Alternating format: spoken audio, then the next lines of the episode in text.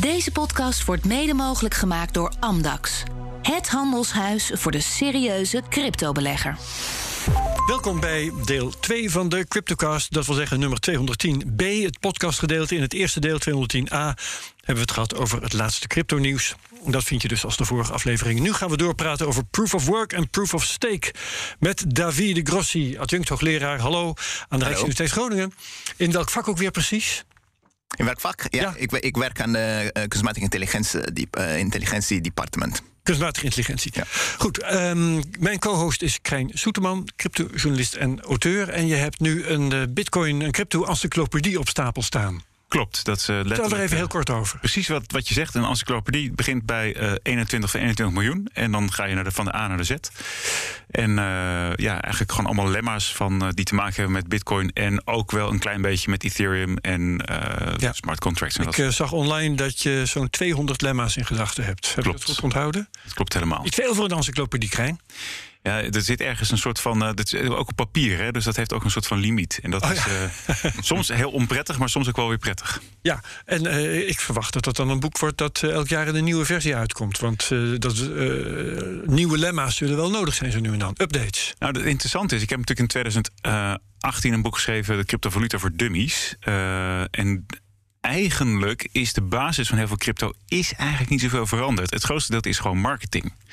En daar zitten natuurlijk zijn de nuances aan te brengen, maar die basis gaat gelukkig niet zo heel snel uh, andere kant op. En dat is uh, ja, de grootste verandering was onlangs Taproot bij Bitcoin. En uh, dat is, maar dat is zelfs in de grand scheme of things misschien niet zo eens zo heel groot voor Installatie van nieuwe software was dat een nieuwe softwareversie van het hele Bitcoin systeem. Ja, voor het Ja. bundelen van transacties en nog heel veel andere. Oké, okay. goed. Nou, uh, die uh, crypto-encyclopedie, dat wachten we rustig af. Ja. Intussen het volgende. De cryptomarkt professionaliseert. Veel particuliere, zakelijke en institutionele beleggers nemen nu cryptovaluta op in hun portfolio. En toch wordt het cryptodomein vaak nog gezien als een anoniem online gebeuren. Voor Amdax daarentegen is het volkomen persoonlijk. Je kunt cryptovaluta opslaan, verhandelen of het beheer van je cryptovermogen volledig uit handen geven. Amdax is er voor de serieuze cryptobelegger die zijn portefeuille wil onderbrengen bij een veilige en professionele partij. Gaan we nu uh, echt aan de podcast beginnen met Davide Grossi. Um, hoe ben jij ooit voor het eerst in, raking, in aanraking gekomen met crypto? Herinner je je dat nog? Uh, ja, ik denk van wel. Nou, ik, uh, in mijn onderzoek ben ik geïnteresseerd over het algemeen in wat wordt multi-agent systemen genoemd. om, om, om dat makkelijker uit te leggen is. Het organiseren en, um, en regelen van de interactie van meerdere agenten, menselijke agenten of computationele agenten. Nou, wat je ziet in een, in een blockchain is juist een, een, mooi voorbeeld van zo'n systeem. dus je hebt meerdere actoren, partijen. Uh, en die uh, moeten, uh, wiens activiteit moet gecoördineerd in richting één doel, namelijk het opslaan van een record van transacties. Mm -hmm. um, en hoe je dat bereikt, nou, dat is bijvoorbeeld in Bitcoin, proof of work systemen. Nou, dat is wat mij aansprak aan het begin. juist als. Over welk jaar spreken we dan dat je dit voor het eerst tegenkwam? Nou, ik, uh, ik denk. Mm, het is iets van zes jaar geleden. Zes jaar geleden. Dus ja. reken, reken 2014 zo ja, ongeveer. Ja, ongeveer. Ja, ja. oké. Okay, dan was Bitcoin al een tijdje uh, around. Ja, dat klopt. Ik was uh, zeker niet een uh, early, early nee, adopter, nee, nee, zeg okay. maar. maar goed, beter laat dan nooit. Dat is prima. Um, ja, digitaal bezit voor Bitcoin. Um, dat ging dus zonder blockchain. Nou, dus gewoon met een centrale autoriteit. Een, een database, om zo te zeggen. Klopt. klopt. Ja. En is dat niet goed? Of is het eigenlijk ook prima? nou, uh, in, voor ons dagelijks leven is uh, helemaal prima. Hè? Zeker in, uh, ja. in zeg maar een Europese context waar we kunnen rekenen op sterke instituties en goed gereguleerde banken. Um, daar hebben wij geen, ja, geen probleem in principe mee. Mm -hmm. Maar je moet je voorstellen, Bitcoin, het idee van Bitcoin kwam uit uh, ja, in 2008. Uh, dat was precies in die tijd van de grote financiële uh, crash. Ja, de kredietcrisis. De kredietcrisis, ja. En nou, toen was het milieu dan voor, uh, voor het anders denken over banken juist uh, rijp. En dat, dat legt ook uit, denk ik, waarom zoveel aandacht aan. waarom Bitcoin zo snel ook het interesse heeft getroffen wereldwijd, wereldwijd van, van de community. Ja. Um, de, kun je uitleggen wat, wat blockchain precies verbeterd aan, uh, aan uh, het registreren van transacties ten opzichte van de centrale autoriteit? Ja, het idee achter, uh, achter blockchain, zoals die in systeem zoals Bitcoin geïmplementeerd is, is juist een, um, een record houden zonder te hoeven te um, rekenen op een centrale partij. En dat betekent eigenlijk dat de, de, deze ledger uh, of deze, record van transacties wordt gewoon gedistribueerd. En uh, de verantwoordelijkheid voor de record is dus gediffused in een netwerk. En iedereen draagt daar dus bij. En dat betekent dat um, aan de ene kant iedereen mag mee, meedoen, meedraaien aan deze collectieve effort. Uh, en tegelijkertijd niemand kan buitengesloten worden als die gewoon investeert in het systeem. Ja. Namelijk deelne deelneemt aan, uh, aan uh, in termen van rekenkracht. Ja, en dan gaan we het. Uh, oh, sorry. Oh ja, ik, ik wou zeggen, en dat komt juist niet. want heel veel mensen rekenen allemaal mythische verhalen toe aan blockchains. Om het even in het algemeen te trekken. Maar juist zeg maar, dat dat kan, dat heeft te maken met, met allemaal andere dingen. Zoals speltheorie en de proof of proof of work of proof of whatever systemen. Uh, dat is eigenlijk het, het, belangrijke, toch? Ja, ja. kijk, de, um, zeg maar in de pre-blockchain-era. Uh, het was al mogelijk om gedistribueerde systemen te runnen. Die waren eigenlijk uh, overal toegepast, want de decentralisatie biedt robustheid. Als er geen single point of failure is, dan kan het systeem gewoon overleven, ook aan, in het geval van stoornissen. Ja, zoals peer-to-peer systemen, zoals BitTorrent en dat soort dingen. Bijvoorbeeld, ja. ja. Uh, maar je kan ook denken aan uh, safety-critical systemen, zoals het runnen van een kerncentrale of uh, zelfs systemen in vliegtuigen. waar ja, je, je, wil zeker zijn dat niks, niks misgaat. Dan ja. heb je een, een decentralisatie nodig. Of een soort redundantie. Ja, ja de en, Space Shuttle herinner ik me had vijf computers aan boord en die deden stemmingen Inderdaad. Om, te om tot beslissingen te komen. Ja, dat is ja. Uh, zeg maar een van de kernprincipes in gedistribueerde computing. Um, en pre-Bitcoin, ja, we, we, wisten er al heel veel van. Hè? Het is een oude discipline van tenminste de jaren 60, 70. Nou, wat uh, Bitcoin in, uh, in, in uh, nou, één, één grens van die toepassing is dat die systemen zijn gesloten. Dus je moet gewoon vertrouwen hebben in al de partijen die deelnemen wat Bitcoin heeft laten zien dat mogelijk is, is dat het systeem kan uh, geopen worden. Uh, zodat uh, iedereen in principe kan meedoen. En dus ja, als jij als systeemoprichter niet kan, niet kan controleren wie deelneemt, dan daar heb je een probleem. want je, ja. je, kan niet zeker zijn van de, de doelstelling. zijn, ja. Precies. En wat dus de oplossing die Proof of Work in, in Bitcoin heeft aangeboden is juist. Dus het idee daar is: oké, okay, ik kan de partijen die binnenkomen niet vertrouwen. Dus ik moet ze incentiveren. Ik moet, ik moet er, ervoor zorgen dat de goede baten aanwezig zijn in het systeem, uh, zodat ze deze partij kunnen meedraaien en kunnen meedraaien in de man, op de manier dat ik graag wil, zodat het systeem ja, verder kan. Dat ze in, in hun eigen belang beslissingen nemen die ook in het algemeen belang zijn. Inderdaad. De, aan het doel van het systeem beantwoorden. Inderdaad, ja. Dus er is, uh, de toevoeging is een soort uh, ja, economisch element die niet aanwezig, niet aanwezig was pre-Bitcoin. Ja, um, nou is het bezwaar van proof of work, laten we meteen de koe maar bij de horens nemen, uh, dat het heel veel energie kost.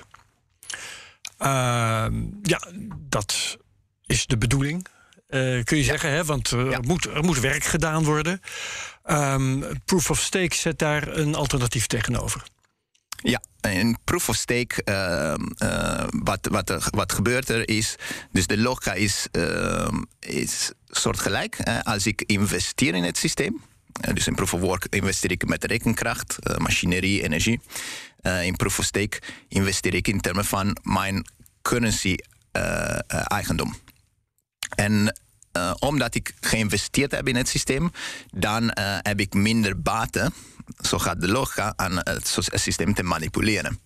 En uh, wat is het voordeel dan in proof of stake? als je, als je het systeem manipuleert, bijvoorbeeld in je eigen belang, dan schaadt je ook je eigen belang omdat je dan je steek kwijtraakt. Hè? Dat is de. Inderdaad. Dus een soort sanctie op.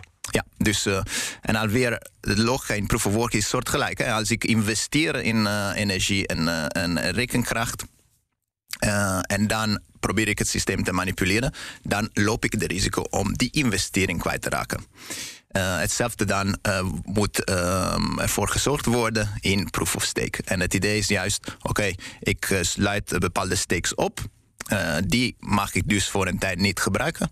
En als ik uh, niet volgens de regels uh, gedrag, dan worden die steek kwijt. Dat, en, en kost het je dan verder iets dan het opsluiten van die steek voor jou als, als zeg maar, stakeholder? of eigenlijk verder niets? Je zegt het gewoon weg en uh, zessa. Uh, ja, en dan in de hoop dat je die terugkrijgt natuurlijk. Ja. Dus het is een soort, een soort alweer een soort investering. Ik, ik, um, ik sluit de steek op en, uh, en dat maakt het mogelijk voor mij om mee te draaien en dus uh, meer te verdienen in het uh, runnen. Ja, want zolang je, het, zolang je het goed doet, krijg je een bepaald uh, percentage. Een bepaald, iets, iets wat op rente lijkt, een bepaald rendement. Ja, ja, ja. dat is het idee. Okay, dat is proof of work, proof of stake. Um, dus als je heel rijk bent en je sluit het allemaal op en het maakt je allemaal niks uit, dan hoef je dus niks te doen om alsnog gewoon rijker te worden, begrijp ik hieruit.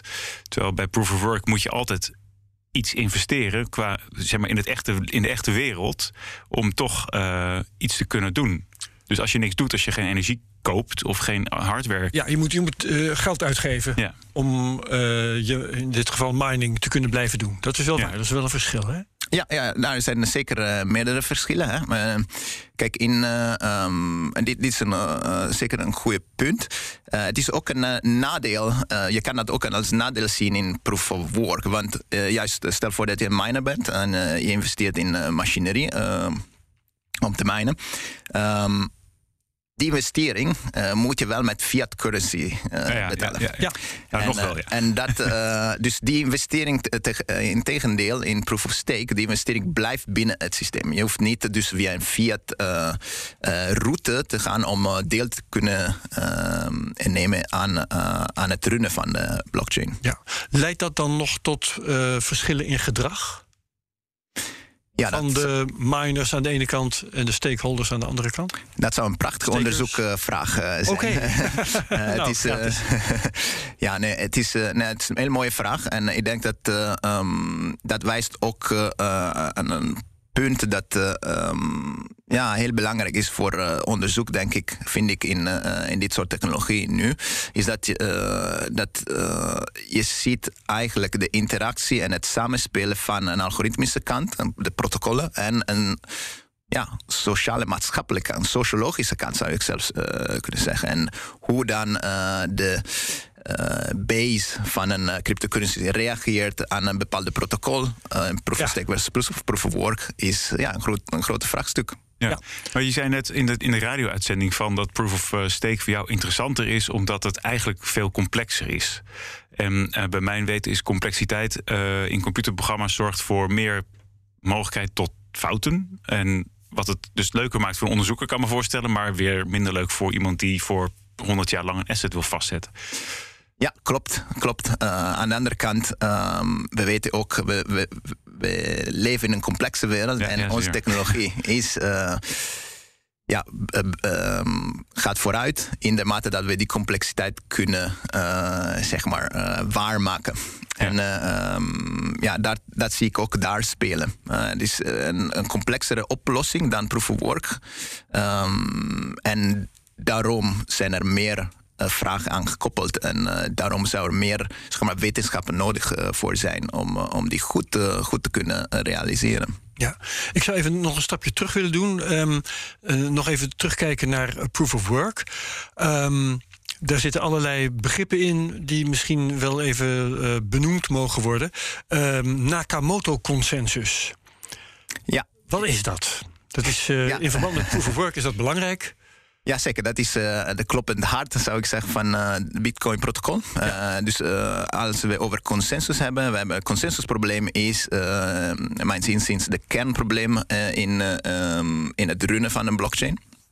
Dus namelijk, ik heb, ik heb de, dat, uh, die term namelijk nooit gehoord. Ik heb heel wat gelezen over proof of work en over bitcoin. Maar Nakamoto-consensus was ik nooit tegengekomen. Ja. Maar vertel dus. Ja, consensus, uh, uh, zoals het, het, woord suggereert, gaat over het overeenstemming, de overeenstemming van, de, van het netwerk over de inhoud van, van de blockchain.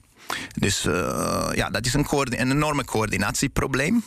En wat Nakamoto Consensus doet, is juist deze coördinatieprobleem op te lossen. Zodat um, we vrij zeker kunnen zijn, uh, met goed vertrouwen, van de inhoud van uh, de blockchain op een bepaald moment in tijd. Ja, en, en wie heeft dat zo genoemd? Dat zal Nakamoto zelf niet gedaan hebben.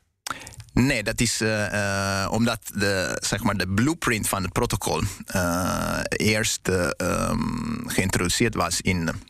In een white paper. In, een white paper. ja, in een white paper. ja. van, van Satoshi Nakamoto. We weten nog steeds niet wie, wie, nee. wie, wie, die is. Ja. Um, nou, die dat protocol werd daar geschetst in een whitepaper die verschenen is, als ik me niet vergis, in 2008. Ja. En, um, maar natuurlijk later heeft, uh, zeg maar, uh, zeker in de, in de academische wereld, dan uh, die protocol werd daarna genoemd na zijn naam. Om het duidelijk te maken wat, zeg maar, om een naam te geven aan een protocol in een context waar andere protocollen werden ook uh, uh, voorgesteld en, uh, en geanalyseerd. Ja, dat is, dat is één begrip dat even genoemd moet worden. En het andere, het Byzantijnse generale probleem.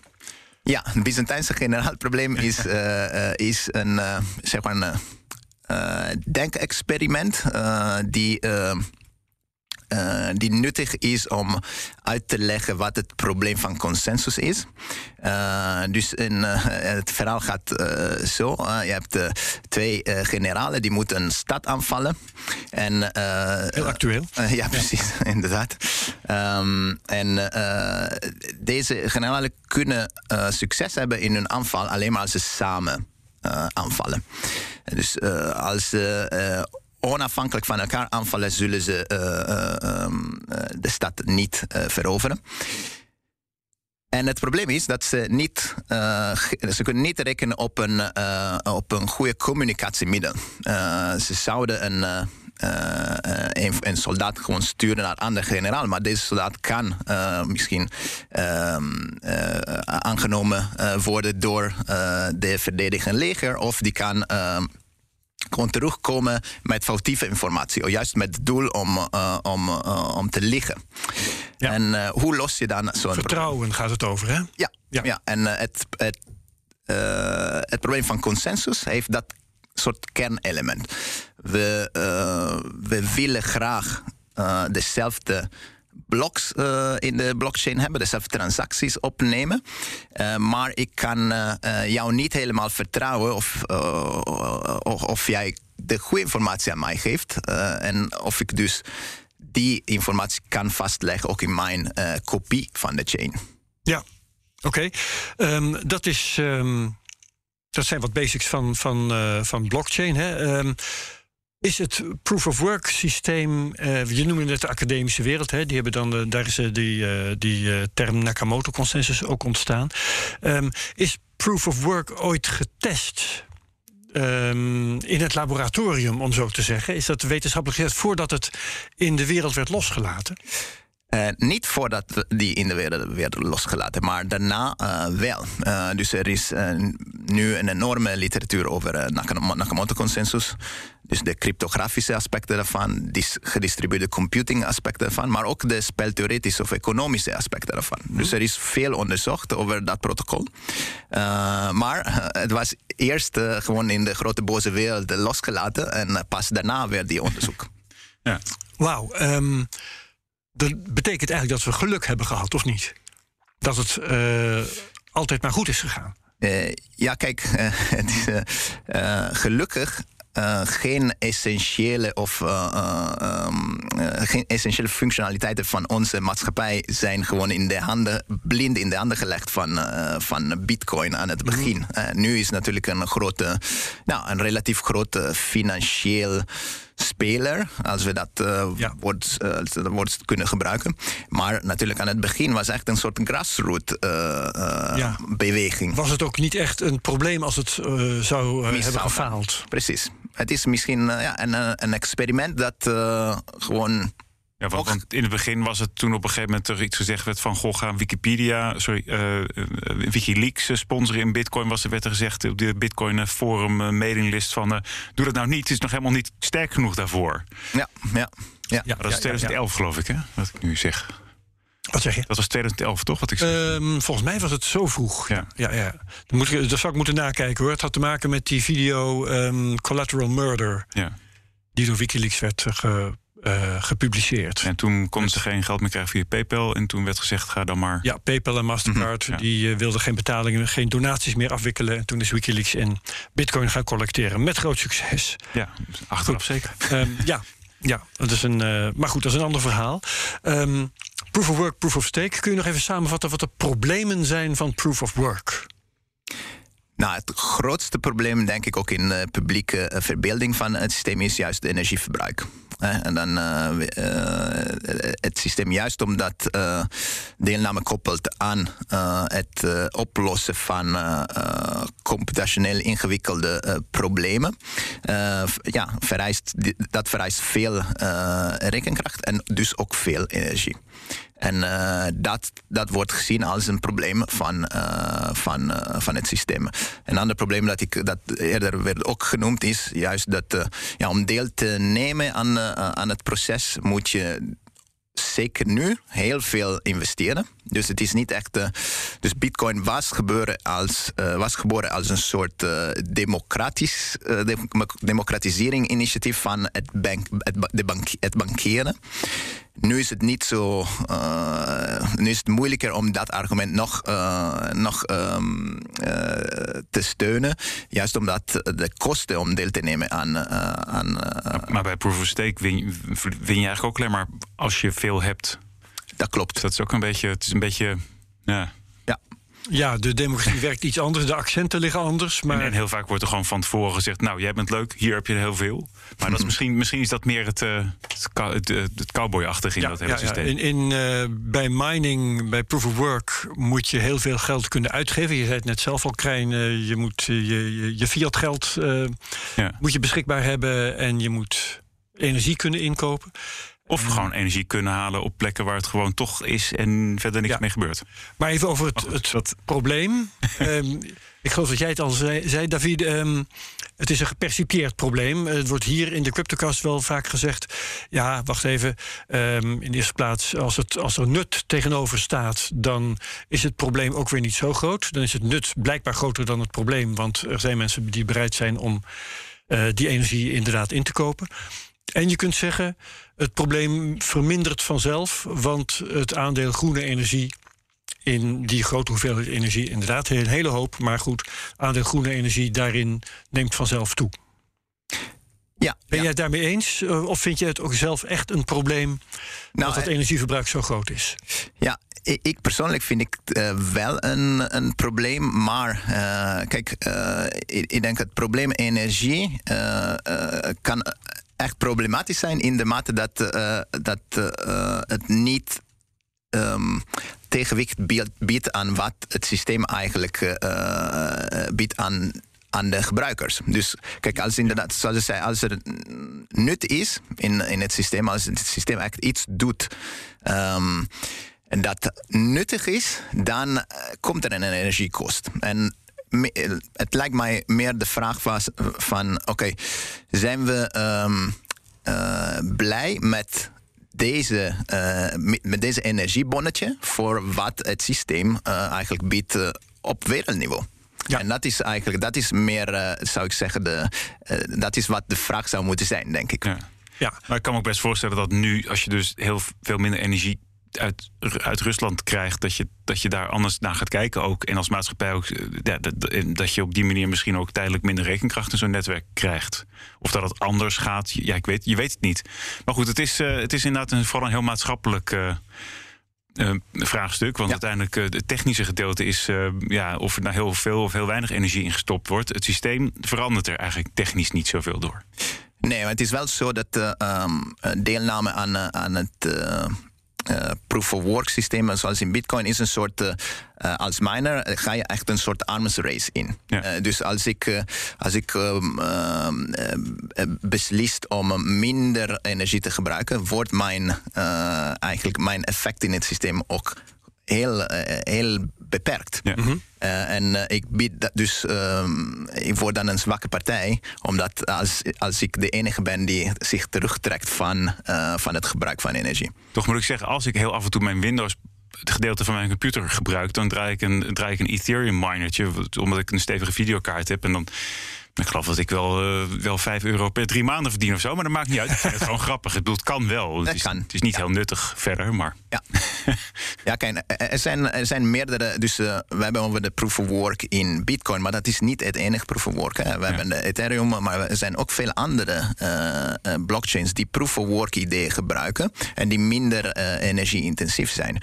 het probleem, denk ik, is nu een soort network effect, waar, waardoor ja, de adoptie van Bitcoin zo breed is. En eh, terwijl natuurlijk de adoptie van andere, eh, eh, misschien milieuvriendelijkere opties moeilijker is. Eh, En dat is Ja. ja. typisch economisch netwerk, eh, netwerkeffect. Ja, en buiten dat is het ook een, een ideologische kwestie. Hè? Want je kunt zeggen. eh, mining of proof of stake, eh, ja, een van de twee is veiliger. Ehm, daar kun je veel over van mening verschillen.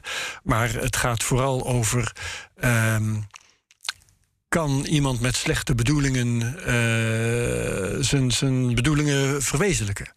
Ja, ja dat is eh, een kernprobleem. Ja. Ja, en hoe, hoe zit dat volgens jou als je proof of work en proof of stake met elkaar vergelijkt? Ja, dat is al, eh, alweer een mooi onderzoekvraag. Oh. nou, Je komt met allemaal vragen straks naar buiten. Ja. In plaats van met antwoorden. inderdaad.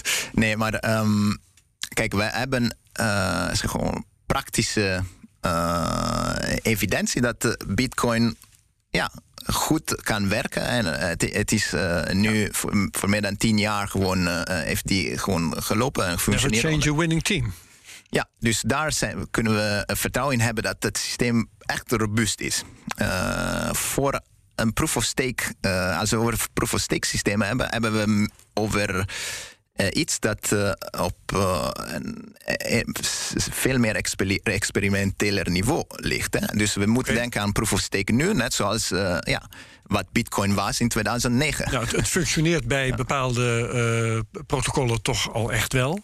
Ja, Maar ja. op een kleinere schaal. Jij zegt het is nog niet voldoende bewezen. Maar dat zijn toch ook best wel vaak protocollen die relatief, die nog steeds heel erg hangen op, ehm, op, op, op validators en heel duidelijk een, eigenlijk een vrij gecentraliseerde systemen. En zit daar, want het, het ideaal is natuurlijk dat het net zo decentraal kan zijn als proof of work. Ja. Alleen de uitwerking is nog heel vaak, ja, dat komt later wel, of daar zijn we nog mee bezig. Alleen nu is het nog niet zo. En dat is, Ja. tenminste, dat bij de dingen die nu al goed draaien. En ja, Ja, ik denk dat je ziet daar eh, ja, een belangrijk verschil in de zogenaamde, wat, wat ook af en toe eh, een bootstrapping phase gen- eh, genoemd wordt. Dus echt de initiële fase van zo'n zo'n blockchain. Proof of work maakt het heel makkelijk voor iedereen aan het begin, hè, die een extra computertje had, die laten runnen en gewoon minen. En in het geval van proof of stake, dat is eh, veel lastiger eh, om zo'n eh, ehm, eh, bootstrapping phase goed te implementeren. Juist omdat je de distributieproblemen hebt van van de currency. Oké, aan, aan wie geef ik, zal ik die currency geven? En aan het, aan het begin zullen er alleen maar een, een klein aantal partijen zijn die, die deel zullen nemen, waardoor je een, een soort centralisatieprobleem natuurlijk hebt. Ja. Dus die initiële fase is eh, zeker. We kunnen zeker zeggen dat in proof of work makkelijker is, juist omdat het gekoppeld wordt aan een concrete resource. Wat zijn goed werkende proof of stake projecten op dit moment? Nou, ik denk uh, voorbeeld zijn de uh, Algorand, bijvoorbeeld um, um, proof of, proof of stake blockchain. Die werden voorgesteld rond 2017. Uh, eh, dat is mhm. bij, uh, door uh, Silvio Micali. Dus een, ja, eigenlijk een beroemde informaticus. Die had ook een Turing Prize gewonnen. gewonnen. Dat is een soort Nobelprijs voor de informatica. die kwam op dus met een nieuw concept voor, voor een blockchain die gebaseerd wordt op proof of stake.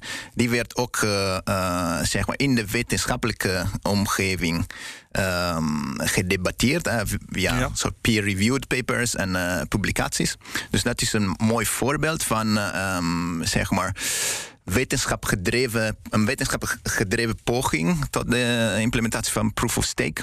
Uh, een ander voorbeeld is ook uh, Cardano. Die komt ook uit, uh, um, uit de academische cirkels. Uh, die zijn twee mooie, mm, naar mijn mening, twee mooie voorbeelden. Uh, mening, uh, naar mijn mening zijn die twee mooie voorbeelden van zo'n zo'n systeem. Ja. Um, en, maar als je dan. Um, uh, even kijken hoor, want die, die, zeg maar, die, de Cardano en uh, Algorand ken ik dan verder eigenlijk, ja, wat ik zei van, uh, maar bijvoorbeeld Ethereum is, begon, is, nu, is nu nog steeds proof of work. En dat is begonnen als proof of work en heeft daarmee eigenlijk een mooi, mooie basis gehad om zijn verdeling te doen aan de tokens, aan, de, aan Ether, zeg maar. Ja. En Ether, Ethereum is nu natuurlijk bezig met zijn overgang naar proof of stake. En dat zijn ze al vanaf het allereerste begin, zeggen ze van dat gebeurt over een half jaar. inmiddels ook een running gag geworden. Maar mocht Ethereum 2.0 nou wel echt op een gegeven moment van de grond komen, um, dan is het wel het eerste proof of stake netwerk waar. Uh, waar echt daadwerkelijk heel veel al uh, op draait aan, aan meer bedrijfskritische processen. van afhangt, ja. En uh, ook nog eens een keer wat op een heel andere manier gedistribueerd is dan eigenlijk al die andere proof-of-stake systemen. Dus um, is eigenlijk Ethereum 2 misschien wel de grote proof-of-stake test? Of kun je dat zo niet zeggen? Voor de... Ja, ik, zou, ik ben het mee eens. Uh, in de zin dat uh, um, wat, wat je in Ethereum zou zien, als uh, inderdaad naar Ethereum 2 gaat met proof-of-stake, je zou zien dat soort de, de bootstrapping phase vindt plaats met een proof-of-work uh, machinerie. En, uh, op, uh, en daarna komt er een transitie, als het, zeg maar, het systeem geëtableerd is, komt er een transitie naar proof of stake. En met de hoop natuurlijk dat de decentralisatie elementen ja, waar geborgen wordt. Want dat is, dat is het moeilijkste eigenlijk om, om goed in te regelen of zo? Wat, van, van dat hele proces? Is dat uh, wat eigenlijk steeds zo tegenhoudt? Of is dat weer heel veel andere dingen waar we misschien nu even voorbij moeten gaan? Nee, nee. Ik, ja, kijk, in, uh, ik denk het feit dat ze van een proof of work naar een proof of stake willen uh, transeren, dat, dat levert een aantal andere proble extra problemen dat je zeg maar misschien niet hebt als je direct met een proof of stake begint. Ja, dus dat, zijn dat? Ja, juist. Uh, je, hebt een, uh, je loopt een enorme risico. Je hebt een systeem dat in principe werkt. Werkt, ja. En, en ehm, je wil bepaalde dynamieken, dynamieken in het systeem um, houden. die zijn de dynamieken die de decentralisatie waarmaken, bijvoorbeeld. En moeten dan die transitie maken. Ja dat is eigenlijk, dat zou echt uh, spannend zijn om te zien hoe dat, uh, dat gaat. Want het, het is een enorme, ja, een enorme klus. Ja. in, in projecten zoals Algorand of Cardano, dat probleem bestaat niet. Dus je begint in het kleine. Hè, en je moet dan, ja, daar is het probleem van hoe, hoe zorg ik ervoor dat de tokens goed gedistribueerd worden, zodat het uiteindelijk decentralisatie wel, wel plaatsvindt. En dat is ook een andere, ja, echt economisch. Dat, dat is het voornaamste probleem als je uh, van nul af aan begint met proof of stake. Ja. Hoe verdeel je de tokens? En uh, is daar een goede oplossing voor?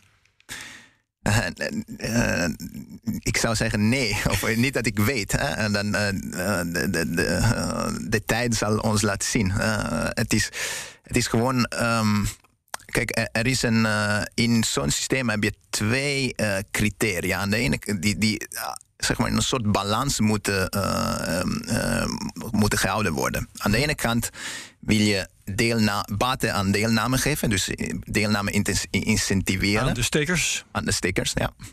En uh, aan de andere kant wil je ervoor zorgen dat geen centralisatie van stakes plaatsvindt. Ja omdat dat een uh, gevaar is voor decentralisatie. En die twee uh, criteria. Dat niet één persoon 50% van de stakes uh, heeft, bijvoorbeeld. Precies, ja. precies. Maar als ik deel, deelneem aan het systeem, wil ik wel iets, iets voor terug. Mm -hmm. En dus je hebt een soort. Je moet mediëren tussen een rich get richer phenomenon en uh, aan de andere kant uh, uh, wel de decentralisatie. Ja, maar dat is interessant. We kunnen dus vaststellen dat dat een, in feite nog een onopgelost probleem is bij proof of stake. Ja, er zijn, er zijn pogingen, hè, maar of of die echt uh, werken, ja, dat is uh, alweer een kwestie van uh, onderzoek. Ja. Vind, precies, nou ja, je hebt al twee keer gezegd van dat is een goede onderzoeksvraag. Um, is er, is er um, wetenschappelijk onderzoek gaande naar deze vraagstukken? Of moeten we het helemaal hebben van de projecten die in het wild plaatsvinden?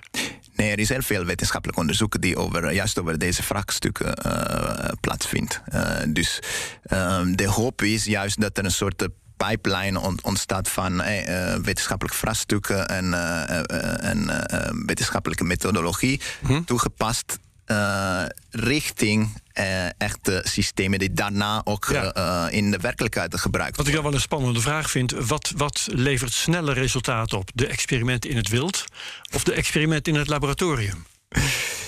Ja, kijk, wetenschap is een uh, langzame activiteit. Uh, ja, dus, daar was ik wel een beetje bang voor. maar aan de andere kant, um, dat biedt wel meer zekerheid. Hè? Dan, um, dat is alweer een soort trade-off. Ja. Uh, dus wil je, wil je wat zekerder zijn van, van je zaak, dan uh, zou ik uh, zeker een wetenschappelijk aanpak aanbevelen. Omdat je dan de, de randvoorwaarden beter in de hand hebt. Ja, je zou ja. tenminste ben je in staat om het systeem beter te begrijpen. En goed ook de voordelen en nadelen voordat je naar deployment gaat. En aan de andere kant kan je ook een soort aan de andere extreem heb je een soort uh, uh, Wild West aanpak, waardoor ja, ik probeer iets. Ja. En als het goed lukt, dat is ja, maar mooi. Kun je dan een, een, voorbeeld noemen van een experiment dat jij bijvoorbeeld nu aan het doen bent?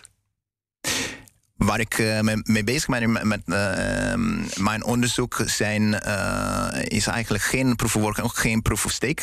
ik ben geïnteresseerd in ook andere um, zeg maar aanpakken voor um, voor het, uh, het creëren van blockchains uh, die um,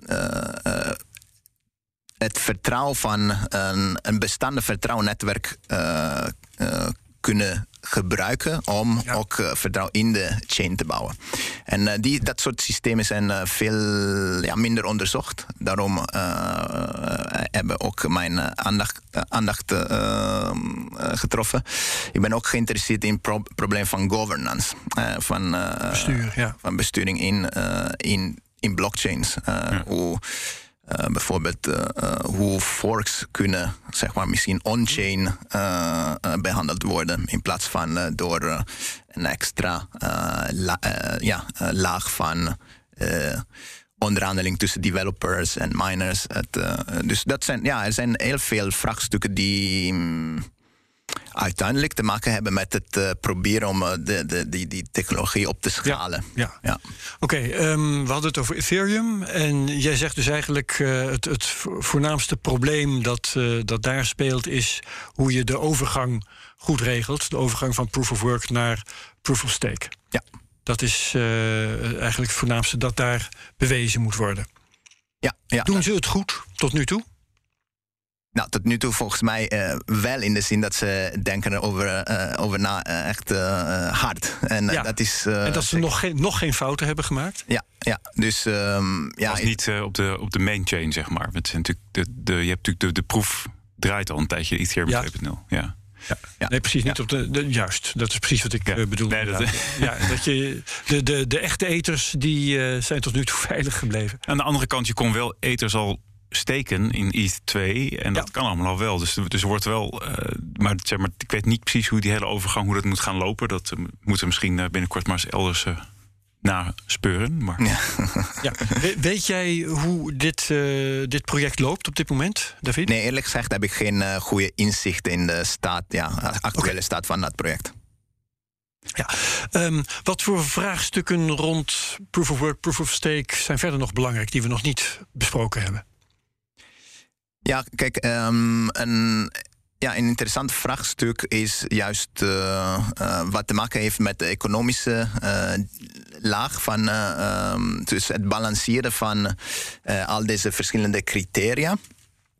een grote vraagstuk bijvoorbeeld dat ook speelt is moet de munt uh, deflationair of inflationair zijn? Uh, moet, uh, moet er een, een, cap zijn op hoeveel munteenheden ooit gecreëerd kunnen worden, zoals in Bitcoin? Of moet eigenlijk, waardoor de munt dan een deflatiemunt wordt? of um, moet, moet de currency inflatie mogelijk maken in de vorm dat we al kennen van onze fiat currencies?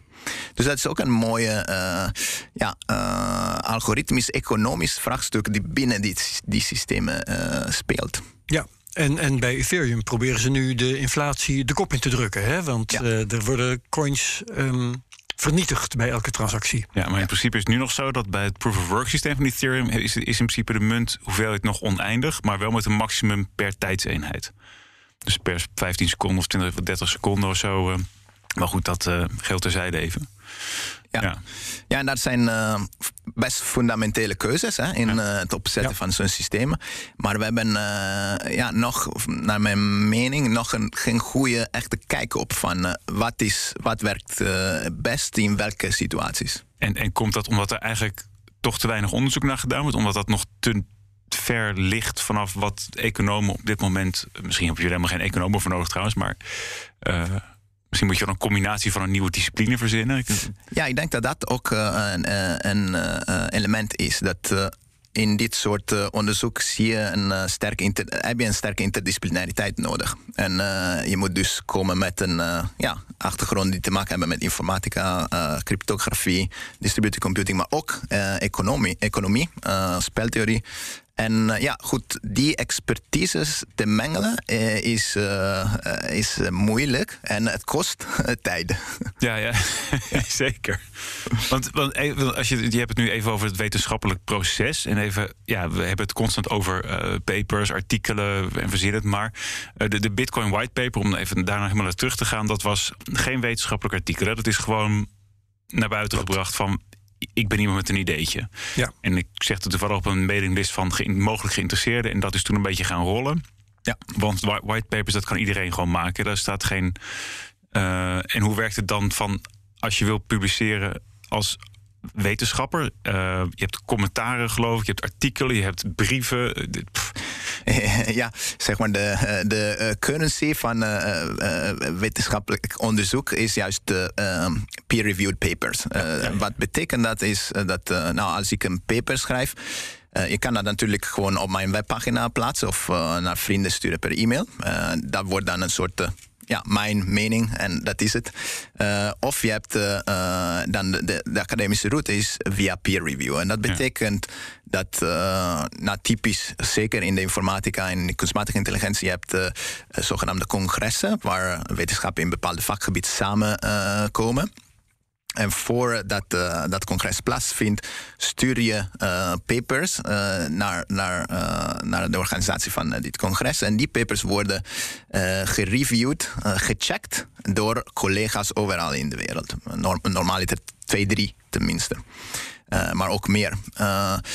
En als jouw collega's vinden, ja, dit is leuk onderzoek, uh, goed gedaan en volgens aan onze wetenschappelijke criteria, dan mag je die idee presenteren in het congres. En ook publiceren in de proceedings van dat congres. Ja. En hetzelfde gebeurt voor de, de, de zogenaamde journals in, in de academische wereld. Dus dat zijn gewoon waar je ook een paper stuurt en die wordt, voordat die geprint wordt of gepubliceerd op de officiële website van, van, van de journal, dan wordt die gecheckt. En, vaak en, zeg maar, die, die, commentaren eventueel van, van de peer reviewers kun je ook allemaal ergens terugvinden en zo. Dat... Ja, Klopt, dus uh, het proces gaat zo. Ja, je stuurt de, uh, jouw paper in. en je krijgt de opinies van jouw peers, jouw collega's. je weet niet normaal wie ze zijn. Maar dit, zijn, dit is totaal compleet anoniem. Zelfs de autorschap is anoniem. Dus het, dat wordt double blind genoemd. Dus ik stuur een paper zonder mijn naam op. Uh, en die wordt uh, geëvalueerd voor wat, uh, wat daar gelezen kan worden. en daarna krijg ik ook die, die commentaren van die, van die collega's. En ik kan in sommige processen ook een tegencommentaar schrijven. En zeggen, ja, daar heb je eigenlijk een fout gemaakt in jouw commentaar. Het is wel zo. Dus je krijgt wel de kans om uh, weerwoord uh, te geven. Ja, ja, ja. En dan wordt die uh, hopelijk, de paper wordt die geaccepteerd, dan mag je die presenteren. Interessant. Ja, dat is een proces dat heel veel mensen natuurlijk. Ja, ik, ik heb het zelf nooit mee hoeven maken, want ik ben helemaal niet gepromoveerd of zo. Dus, ja. ja. Um, laten we dit allemaal nog even op Bitcoin proberen toe te passen. Ja. Um, Ethereum is dus bezig over te stappen van proof of work naar proof of stake. Um, is het een goed idee als Bitcoin dat ook zou doen? Ja, uh, goede vraag. Ja.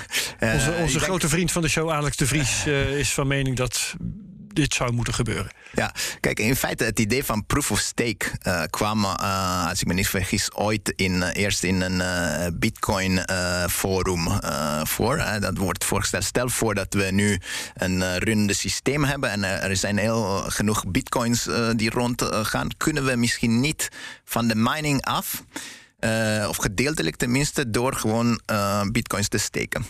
En op zich, uh, ja, de loga hierachter eh, spreekt uh, zeker uh, iets dat kan aanspreken. juist in verband met energiekosten. Ja. En ehm, ja, of het een goed idee voor Bitcoin is of niet, dat durf ik niet, niet te zeggen. Maar het is zeker. Maar het kan wel. Tenminste, ja, misschien moet je eerst even afwachten hoe het met Ethereum verder gaat. Maar als het met Ethereum zou kunnen, moet je dan concluderen dat het met Bitcoin ook kan? Ik zou zeggen van wel. Dus als, de, als die mogelijkheid ook in de praktijk, dus theoretisch die mogelijkheid bestaat. Hè? Ja. Uh, en uh, we kunnen dat zeker proberen om uh, inderdaad um, die randvoorwaarden goed in beeld te, te krijgen, zodat die technologie kan werken. maar ja, iedereen werkt natuurlijk op een proof on the, the on the field. dat ja. iets dat echt in ja. de praktijk kan gebeuren. Ja, nou, je noemde Alex de Vries. We hebben nog andere vrienden van de show, de gebroeders Slachter bijvoorbeeld, die zijn er rotsvast van overtuigd dat uh, proof of work veiliger is. Heb jij daar een mening over? Ja, in, in, in zekere zin is die um, veiliger in de zin dat uh, echt gekoppeld wordt aan een concrete resource on the ground. Ja, ja. en uh, dat energie maakt het, dus in dit geval. Ja, energie en, reken, en, en machinerie. Uh, dus dat, dat, ja, dat is concreter kan het niet. Uh, Dus dat is mooi. Maar dat, uh, dat is zeker een houvast voor uh, de stabiliteit van het systeem. Aan de andere kant zie je ook in Bitcoin, en dat is een aspect dat ook onderzocht wordt. door die mining pools systeem bereik je niveaus van centralisatie die misschien onwensbaar zijn. En dan, dat is dan ook een. Uh, aan, de andere kant heb, aan de ene kant heb je die mooie koppeling aan uh, concrete resources. Aan de andere kant heb je een centralisatie. Ja, de, uh, risico. De mining pools kun je een vorm van centralisatie noemen, maar dan krijg je dus een andere vorm van centralisatie voor terug. En dat is met grote stekers bijvoorbeeld. Dat, dat kun je ook een risico vinden. Zeker, zeker. hetzelfde probleem zou zich voor spreken in, in proof of stake of in ja tenminste de uh, standaard manieren waar we over hebben in, uh, in uh, proof of stake. Ja. Ja, en ja, centralisatie kun je overal ontwaren. We hebben het net ook al gezien in de vorm van grote bedrijven die zich doen, grote exchanges bijvoorbeeld. Ja. grote partijen buiten het Bitcoin-systeem, creditcardbedrijven. nou ja, goed. Ja. Dus um, je komt het altijd wel ergens tegen. Um, Wat zou, stel dat Bitcoin over zou willen op proof of stake, wat uh, is dan het voornaamste probleem dat er dreigt? Is het, is het moeilijk, aangezien Bitcoin groter is dan Ethereum? Of is een heel ander systeem. Misschien blijkt er wel iets veel beters te zijn. Of ga ik nu te ver? nee, nee, dat zou best. Uh, ik denk, kijk, als we, uh, als we naar het energiebonnetje van uh, Bitcoin kijken en, en we denken ook misschien kunnen we Bitcoin runnen. Door dat bonnetje te beperken, tenminste gedeeltelijk. Nou, dat zou een aanwinst zijn. ja. Daar zie ik zeker dat dat het geval is. ja. ja opties te over. Ja. Misschien. Maar we je aan mijn adem haalde voor een vraag. Maar dat is niet. ja. nee. nee, maar is er, een, is er verder nog een technisch probleem voor Bitcoin? Uh, we hebben het Lightning-netwerk. Blijft dat gewoon keurig netjes werken? Ik overzie dat eigenlijk helemaal niet. Nou, ik denk niet dat, het, uh, uh, dat de problemen op dit niveau echt in de techniek liggen. het is meer in in de interactie tussen de techniek en de mensen die de techniek gaan gebruiken. En um, dus ja, ook in, in de wetenschap hebben we een, mooi, mooi woord hiervoor. Dat, blockchain is een so socio-technische systeem. Dus je hebt een, ja, meerdere technologie layers, maar je hebt ook de maatschappelijke en menselijk element.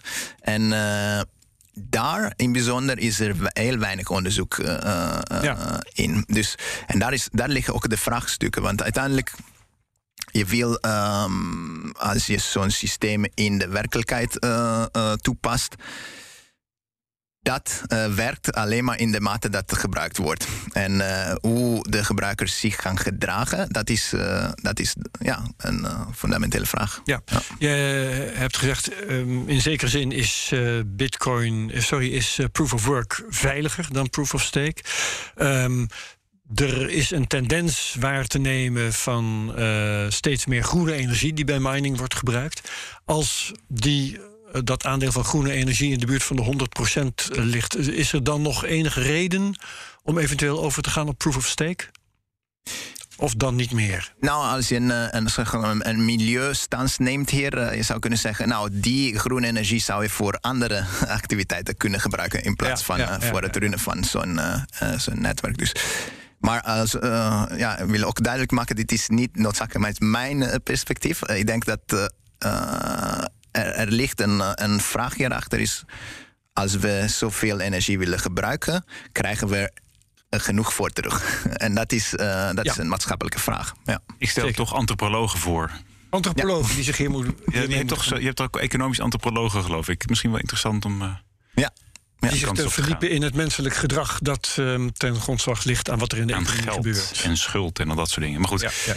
Misschien een leuke vraag voor een volgende CryptoCast. We gaan het wat deze betreft hierbij laten. Davide Grossi, hartelijk dank. Ja, Bedankt. hoogleraar in uh, Groningen in de kunstmatige intelligentie. Dank Bedankt voor je bijdrage aan deze CryptoCast. Uh, Krijn Soeterman, mijn co-host vandaag, ook heel hartelijk dank. Joep. En zet de CryptoCast van volgende week in je agenda. Dan hebben we een gesprek met Aragorn Meulendijks over blockchain en gaming. Co-host, hey, Krijn Soeterman, wat gezellig. De, uh, graag tot volgende week dus. En vond je deze aflevering leuk? Vergeet hem dan niet te delen met volgers op Twitter. Gebruik de mention at CryptoCast.nl. Laat reviews achter op Apple Podcasts. En like, subscribe en comment op YouTube. Iedereen die geluisterd heeft, tot hier hartelijk dank. En graag tot volgende week bij de volgende CryptoCast. Dag. Deze podcast wordt mede mogelijk gemaakt door Amdax. Het handelshuis voor de serieuze cryptobelegger.